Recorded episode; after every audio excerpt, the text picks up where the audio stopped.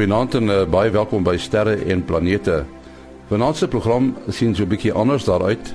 Ons het gaan kuier by die mikrofoon by Scopex wat verlede naweek in Johannesburg plaasgevind dit. En ons gesels ook met Wim Filmalter. Hy is een van die spanlede wat gaan optree by The Rust die einde van die maand die 26ste en 27ste September. Maar voor dit, ruimte nuus wat geskryf is deur Herman Klorin in Bloemfontein. 'n Paneel van die Europese Ruimteagentskap wat moes besluit waar die Rosetta ruimtetuig se landingstuig Philae op die naderende komeet Churyumov-Gerasimenko gaan land, het eenparig op 'n kolletjie ooreengekom. Philae weeg 100 kg en dra verskeie instrumente waarmee die samestelling van die komeet bestudeer kan word. Die plek staan as landingsplek J bekend. Die komeet bestaan uit twee dele, 'n kop en 'n lyf. Die gekose deel is op die kop. Die tweede keuse landingsplek C is op die lyf. Die navorsers kon eers na 'n geskikte landingsplek begin soek nadat Rosetta naby genoeg aan die komeet gekom het. Die finale kolletjie is van 'n afstand van so wat 30 km gekies. Philae sal na verwagting op 11 November op die komeet land en weens die effektiewe afwesigheid van swaartekrag aan die komeet heg. NASA se ruimte-rover op Mars Curiosity het na bykans 2 jaar by sy bestemming Mount Sharp aangekom. Die amptelike naam van die berg is Aeolas Mons. Dit is 5,5 km hoog. Curiosity was bestem om reeds vroeër by die berg aan te kom, maar dele van die rooi planeet se oppervlak het gebleik soveel skerp rotse te bevat dat dit die sagte aluminium wiele beskadig het. Ompaaie oor gladder oppervlaktes moes toegevolg word. Curiosity sal nou tydsaam teen die berg uitbeweeg en belangrike ondersoeke doen. Mount Sharp is 'n hoë berg in die middel van Gale krater waar Curiosity sedert sy aankoms reeds indrukwekkende fondse gedoen het, waaronder 'n ou droë oerstroompie met spoelklippe en konglomeraat. Die bodem van 'n meer wat eens bestaan het, is ook gevind en ondersoek. Tot sover ruimte nuus wat geskryf is deur Herman Torin in Bloemfontein. Soos gewoonlik is Kobus Olkers op sy pos daar in Florida, Amerika en uh, ons wil by hom weet uh, hoe die son omgedra, Kobus. Goeienaand Enie en goeienaand luisteraars. Ja, die son was toe toe soos ons gesê het was toe baie aktief geweest die afgelope week. Uh ons het 'n X-fakkel of twee gekry. Ons het M-klas fakkels en korona massa uitbarstings. Die laaste ene van die aktiewe areas uh van verlede week uh, wat ons verlede week van gepraat het, het hier teen Woensdag die uitbarstings uit die aarde bereik. Daar is nou weer 'n volgende ene wat baie besig lyk. Hy gaan ons waarskynlik ook vir die volgende week of so uh interessant die dinge interessant maar hy's nie so groot soos die vorige twee nie. Met ander woorde, ons kan nog steeds uh steurings op ons langafstand radioverbindings verwag. Kanse vir steurings op op op uh kraglyne is redelik skraal, maar ons kan dalk 'n bietjie met met ons data, met ons internet data lyne kan ons dalk 'n probleem kry. Dan het ons ook 'n massiewe groot uh koronagat aan die suid by die suidpool van die son. Hy is so groot dat hy amper by die ewenaar uitkom. Ehm um, en dit gee vir ons natuurlik vreeslike gemengde gevoelens want 'n groot groot koronagat by die by die suidpool of by enige van die pole is 'n indikasie dat die son siklus uh, so stadig aan besig is om na sy minimum toe te gaan, maar as ons kyk na die aktiwiteit wat by die ewenaar rond aan die gang is, kry ons 'n mooi luide uh geraas. Uh daar's hierdie week geen filamente nie nie aan die aarde se kant van die uh van die son nie. Ons het wel 'n paar massiewe uh, grootes lang is honderde duisende kilometer lank op die agterkant van die son wat ons vir ons so oor 2 weke dalk gaan dit interessant maak. En nou daar nog 'n interessante ding hierdie week gebeur. Ons het uh twee baie groot koronamassa uitbarstings gehad wat presies gelyk afgegaan het een aan die agterkant van die son en een aan die voorkant van die son.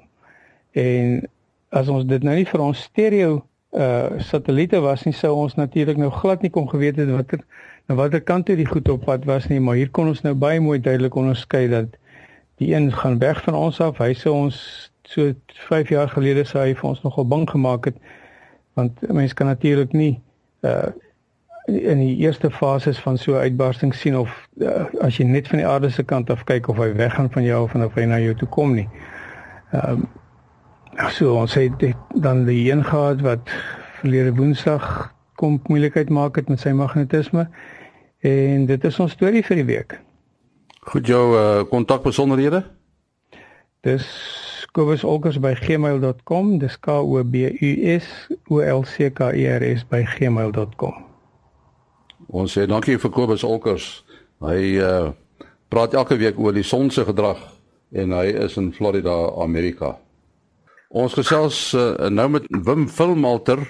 Hy is 'n uh, amateur sterrekundige wat daar in die omgewing van van Riversdal woon en die rede waarom ons met hom praat is dat uh, hy is deel van die sterre en planete aanbieding wat ons uh die einde van die maand dit is nou die 26ste en 27ste September by die rust gaan hou. Uh wim uh, Saturnus sal dan uh, sigbaar wees uh, as ons die teleskope uithaal daar, né? Dis reg, Saturnus sit nog uh, redelik mooi hoog. Hy's baie mooi uh, sigbaar vroeg aand veral. En dan ook Mars en uh Mercurius is ook nog duidelike planete wat ons na kan kyk. En die maan? Die maan is omtrent nog so uur uh op die eerste aand, die uh, tweede aand bietjie langer, maar dan raak hy weg en dan raak dit lekker donker vir al die diepruim voorwerpe wat ons hopelik gaan na kyk, al die sterrebondels en nevels. Gaan jy jou uh, te uh, teleskope wat jy self gebou het so toe neem? Ja, dis reg. Ek gaan van hulle neem. Ek is eintlik nog besig met 'n derde teleskoop en ek neem ook die groot verkyker saam. Ek wil ook aanbeveel dat mense hulle eie verkykers saambring dat ons 'n lekker hemelruim toer met verkykers met hulle kan doen. Die grootste teleskoop wat daar te sien gaan wees, watter een is dit? Dis die eerste een wat ek gebou het. Dis 'n 12 duim, 'n 300 mm met 'n f8 fokuslengte. So sy fokuslengte is so oor die 2,4 meter. So 'n mens moet op die einde op 'n leer staan om bo by die oogstuk te kan bykom. Kos dit nie baie geduld om so 'n teleskoop te bou nie? Daar het baie beplanning in daai teleskoop ingegaan, juis omdat ek hom omgebou het van 'n vaste installasie wat op een plek moes staan na 'n vervoerbare teleskoop. So hy moet funksioneel wees om mee te kyk en elke part van hom moet weer kan opvou en inpas in die kas waarin hy vervoer word sodat hy agter die op die bakkie se agterste sitplek kan inpas. Is dit baie moeilik om 'n teleskoop te bou, Wim? Daar's 'n paar basiese beginsels uh, waarna 'n mens moet kyk. Uh balans is die een, die stewigheid van die montering is 'n ander een en dan is daar ook uh baie moet mens baie fyn kyk na die fokuslengte spesifiek sodat die punt waarop die voorwerp gefokus word binne die bereik van jou fokuser en oogstuk is. Dan die ander ding wat jy baie in belangstel is sogenaamde astrofotografie, die uh hemelruim afneem. Nou uh dit dit is nie so maklik nie. Ek het dit al self probeer. Ja, daar's verskillende uh vlakke van uh sterrefotografie eintlik. Die ek is maar met van die beginstadiums uh daarmee doenig. Die eerste een is om byvoorbeeld 'n wye hoek lens op jou uh DSLR te gebruik om byvoorbeeld hierdie mooi prentjies te kry van posisionering van planete en dan byvoorbeeld uh die plasing van die Melkweg teen voorwerpe in die voorgrond. Daai tipe fotografie doen mens met die kamera net op 'n stewige driepoot. En dan as jy begin lense bysit, telefoto lense, kan jy begin naderkom aan sekere van die voorwerpe en dan uh verder aan het ek 'n T-stuk wat ek in die plek van 'n lens op die kamera monteer.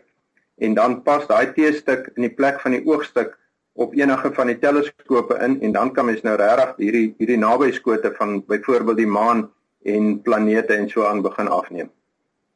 Uh, wat wat daarvan as 'n mens nou 'n kamera het en jy sit hom op op 'n driepoot uh, en uh, die beweging, wat is so van uh, beligtingstyd gebruik 'n mens uh, tipies vir die die Melkweg?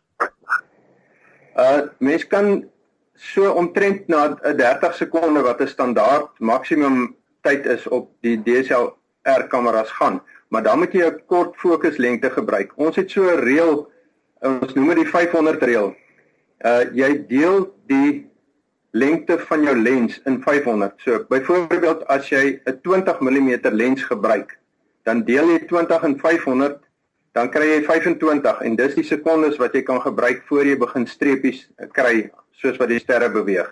As jy 10 mm wye hoek lens gebruik, dan kan jy 50 sekondes beligting gebruik. En uh hoe groot moet die sluiter oop wees?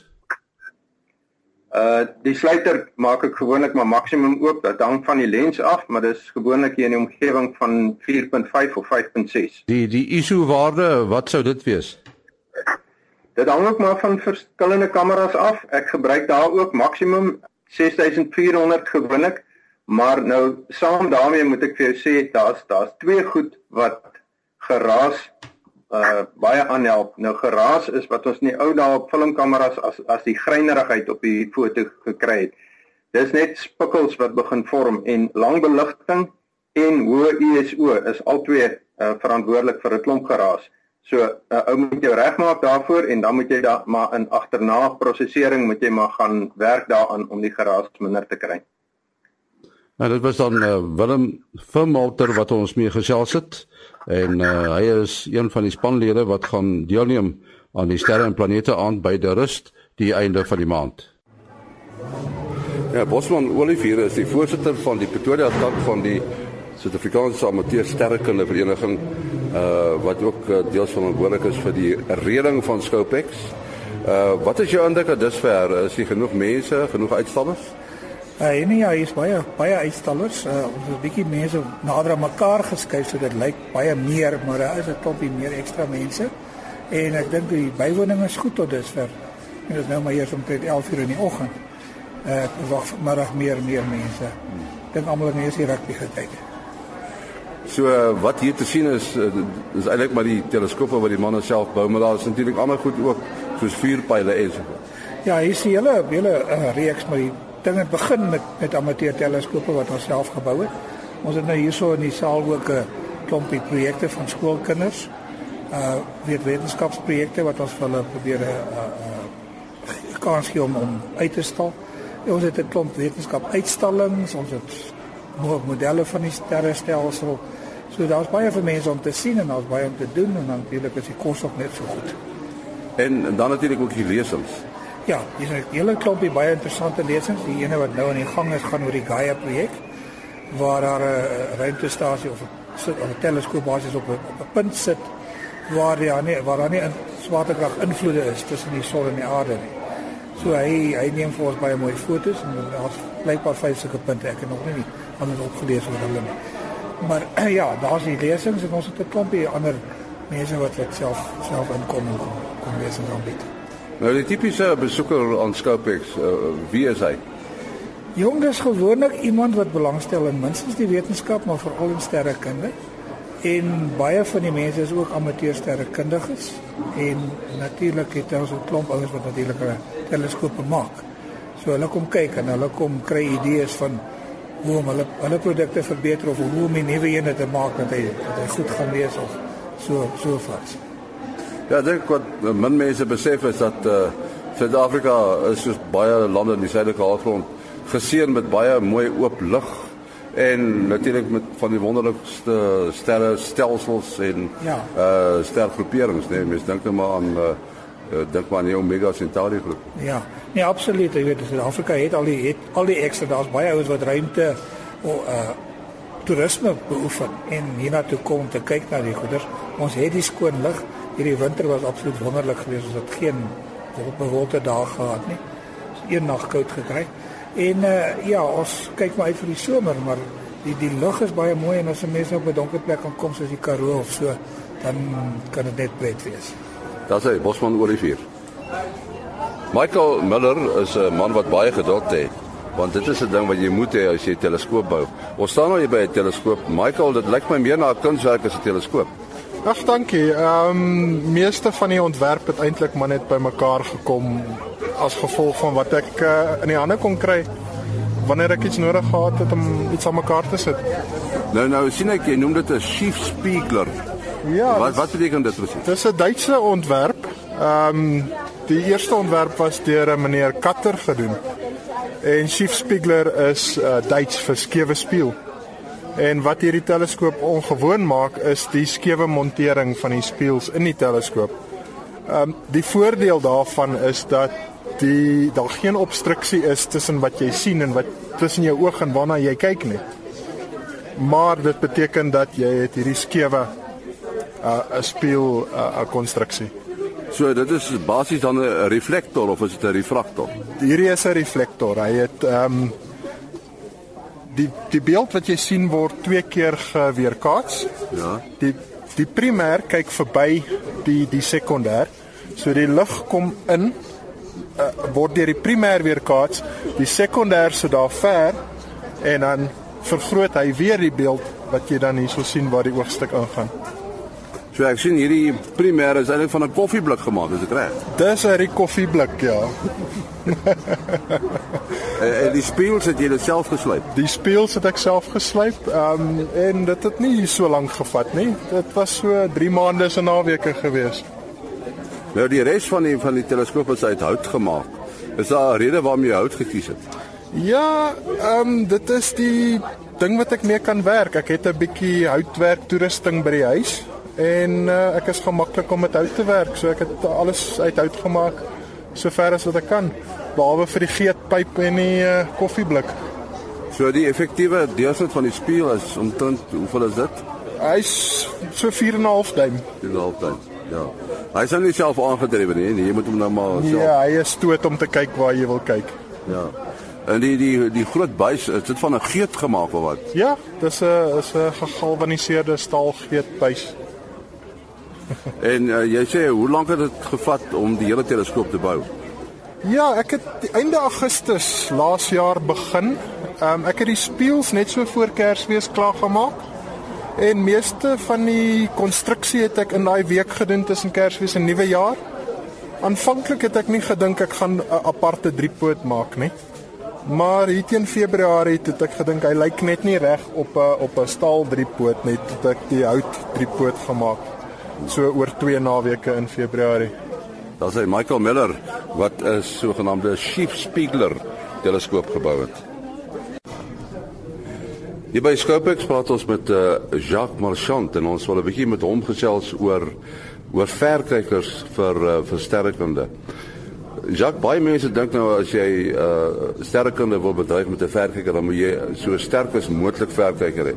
Maar dis nie heeltemal waar nie, nee. Nee, jy kan begin by iets so eenvoudig soos 'n 10 by 50 met met die hand gehou. Celestron maak dan ook 'n hele paar doelbewuste sterre verkykers.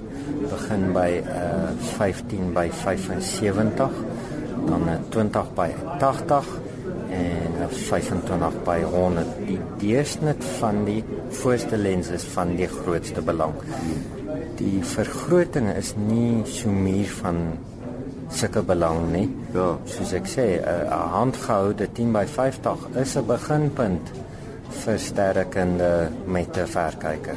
Ja, ek sê vir mense dit dis ook al weer amper 'n bietjie groot wat mense moet onthou hoe sterker die vergroting is, hoe meer word die uh beweging uh, beklemtoon. Absoluut. 'n 10 by 50 kan ons meeste van ons nog met die hand hou, maar iets soos die 15 by 75 van daar af op moet jy op 'n driepoot of is ene 'n uh, stit van een of ander soort werk, ja. Het die meeste verkyker 'n plek op die verkyker self om dit aan 'n driepoot vas te maak? Nie noodwendig nie, maar daar is uh adapters wat wat op 'n driepoot pas vir die grootste meerderheid verkykers. Uh, hulle is nie vreeslik duur nie. Kleinhandelprys van onder die R400 van mees, vir meeste van hulle. Jy het nou gepraat van hierdie groot verkykers wat uh, Celestion maak. Uh jy het amper 'n ek sou sê 'n hele kontrapsie nodig om die ding te stabiliseer nie te stabiliseer nie, maar as u meer as een mens is, dan gaan nie 'n parallelogram nodig om dit af te kan kry op te kan kry vir ons wat iets wat langer is. Wel, maar daai goed is op Ja. Nie vrylik beskikbaar nie, maar hulle is beskikbaar vir die sterrekunde, ja. En dan Jacques die uh, die kykhoek wat die verkyker het. Meeste is net sy oor 6, maar jy kry ook 8,3, né, grade. Ja, Ehm um, dit gaan 'n wyeer veld gee vir alles iets soek. Maar iets by 6.5 grade is 'n goeie beginpunt. Nouer is dit is dit bietjie gesukkel. Daar's hy Jacques Marchand. Ja, ons is nog steeds op uh, Scopex. Ons praat nou hier met uh, Stefan Schonveld. Hy uh, het 'n stalletjie hier met 'n uitstalling wat hy gebou het. Uh wat te doen het met uh die mense reis na Mars toe. Nou, hoekom het jy hierdie uitstalling in mekaar gesit, uh, Stefan?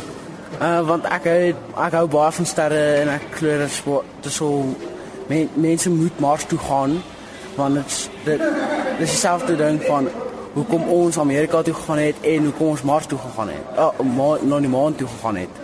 Want ons wil meer uitvind en ons borders leer. Nou, hoe het jy te werk gegaan om al die inligting te kry wat wat nou hier is? Wel, ek het onderhoude gevoer, ek het vraelyste en ek het op die internetbronne gegaan. Ek het ook boeke gebruik en artikels. Nou, as weer daar is 'n uh, projek aan die gang op die oomblik Mars One wat uh, mense nou na Mars toe wil vat. Maar hulle praat nie van terugkom nie, né? Ja, hulle weet nog nie hoe om terug te kom nie, want die probleem is hulle weet nie wat te veel gaan hulle gebruik om terug te kom nie. Hulle weet nie of daar 'n uh, petrol of iets wat ek kan gebruik nie. Ja. Wat sê die meeste mense? Dink hulle mense sal kan Mars toe gaan? Die meeste mense van die publiek volgens vraelyste het gesê hulle dink ons het die tegnologie om te land. Maar nie om onsself om nie om daar te bly nie en hulle was onseker of ons die tegnologie het om terug te kom. Dis seker nou onnodig om te vra wat jy eendag wil word. Ek sou ek sou graag 'n elektroniese ingenieur of 'n sterkkundige word. En jy's nou in graad 7. En wat gebeur nou met die uitstalling? O, uh ons onderwyser het gesê sy wil hierdie my taak gebruik as volgende jaar se graad 7 se voorbeeld. Sou jy weer so iets aanpak? Ja. Ja, want ek hou baie van sterkkunde, sterkkunde. Stefan Schonfeld. Ons praat hier met Gerard Grobler. Nou hy staan hier tussen 'n klomp vuurpyle. Nou, soos jy weet, vuurpyle is 'n uh, intrinsieke deel van ruimtevaart want op 'n manier moet 'n mens van die aarde af in die ruimte kom en daarvoor gebruik 'n mens vuurpyle. Maar hierdie vuurpyle is uh, is vir julle eintlik 'n stokperdjie of of wat praat ek nou alles Gerard? Ehm um, dis is 'n uh, begin as 'n stokperdjie. En uh dit ons uh, uit te vind maar die applikasies is groter. Op die oomblik doen ons twee goed. Uh eintlik drie. Ons doen die stokperdjie mark. Ons doen uh op uh, skoolopleiding uh om uh, wiskunde en wetenskap beter te verduidelik.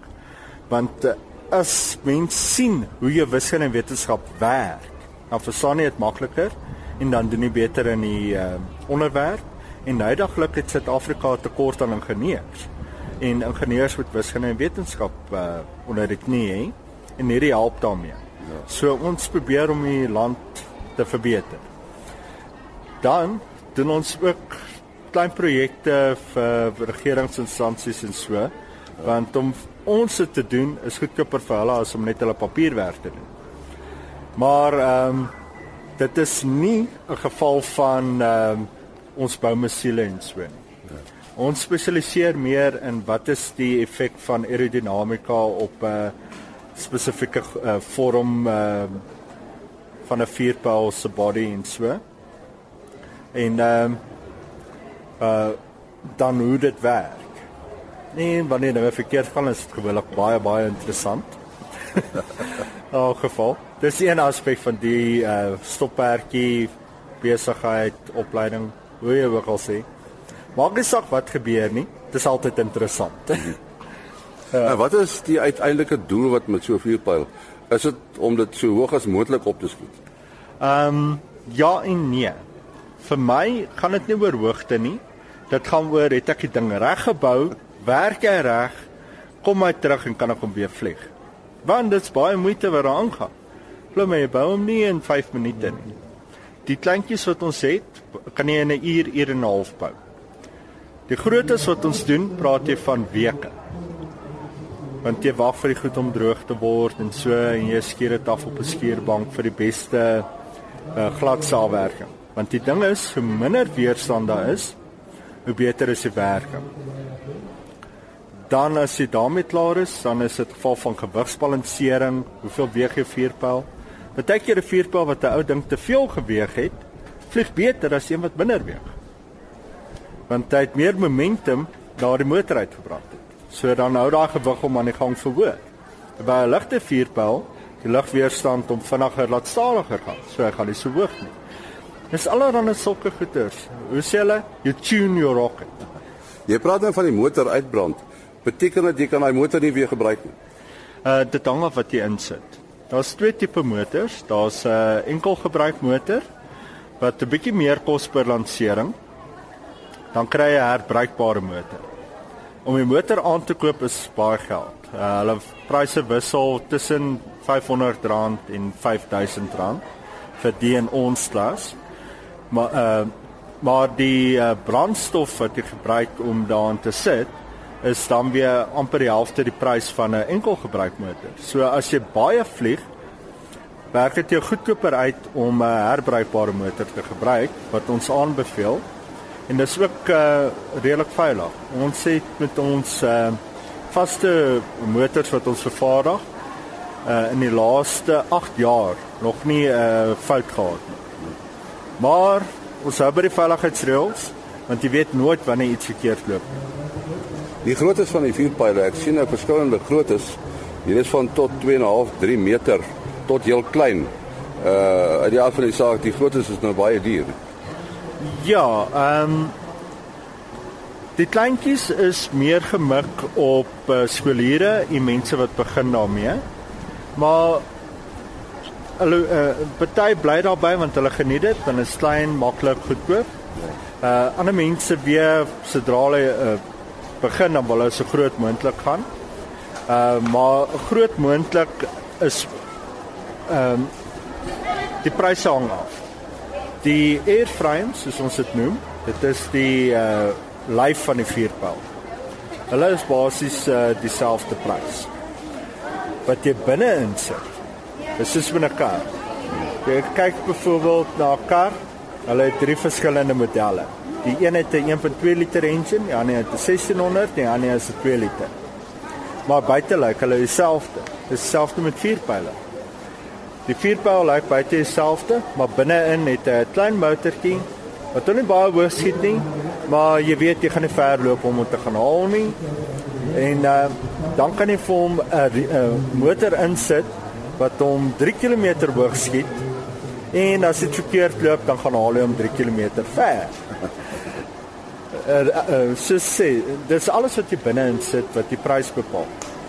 Natuurlik hoe groter jy gaan, hoe duurder is dit.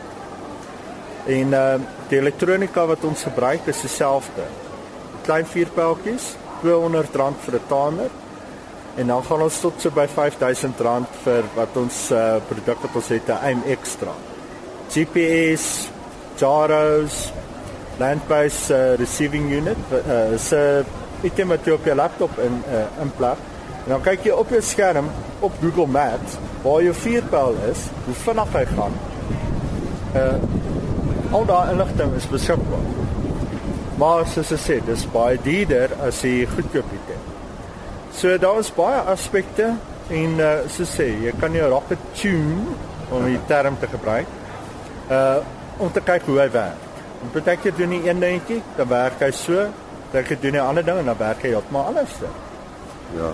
En nie altyd soos wat hy op die rekenaar sien. Hoe gaan dit jou telefoonnommer? Uh ons is beskikbaar op uh, 078 777 0069 of um, 082 362 7723. En met uh, daardie bydrae deur Gerard Grobler, die man wat uh, vuurpyle bou, het ons gekom aan die einde van vandag se aflewering van Sterre en Planete. My kontakbesonderhede maas.henny@gmail.com maas.henny@gmail.com Volgende week kuier ons weer. Tot dan, mooi loop.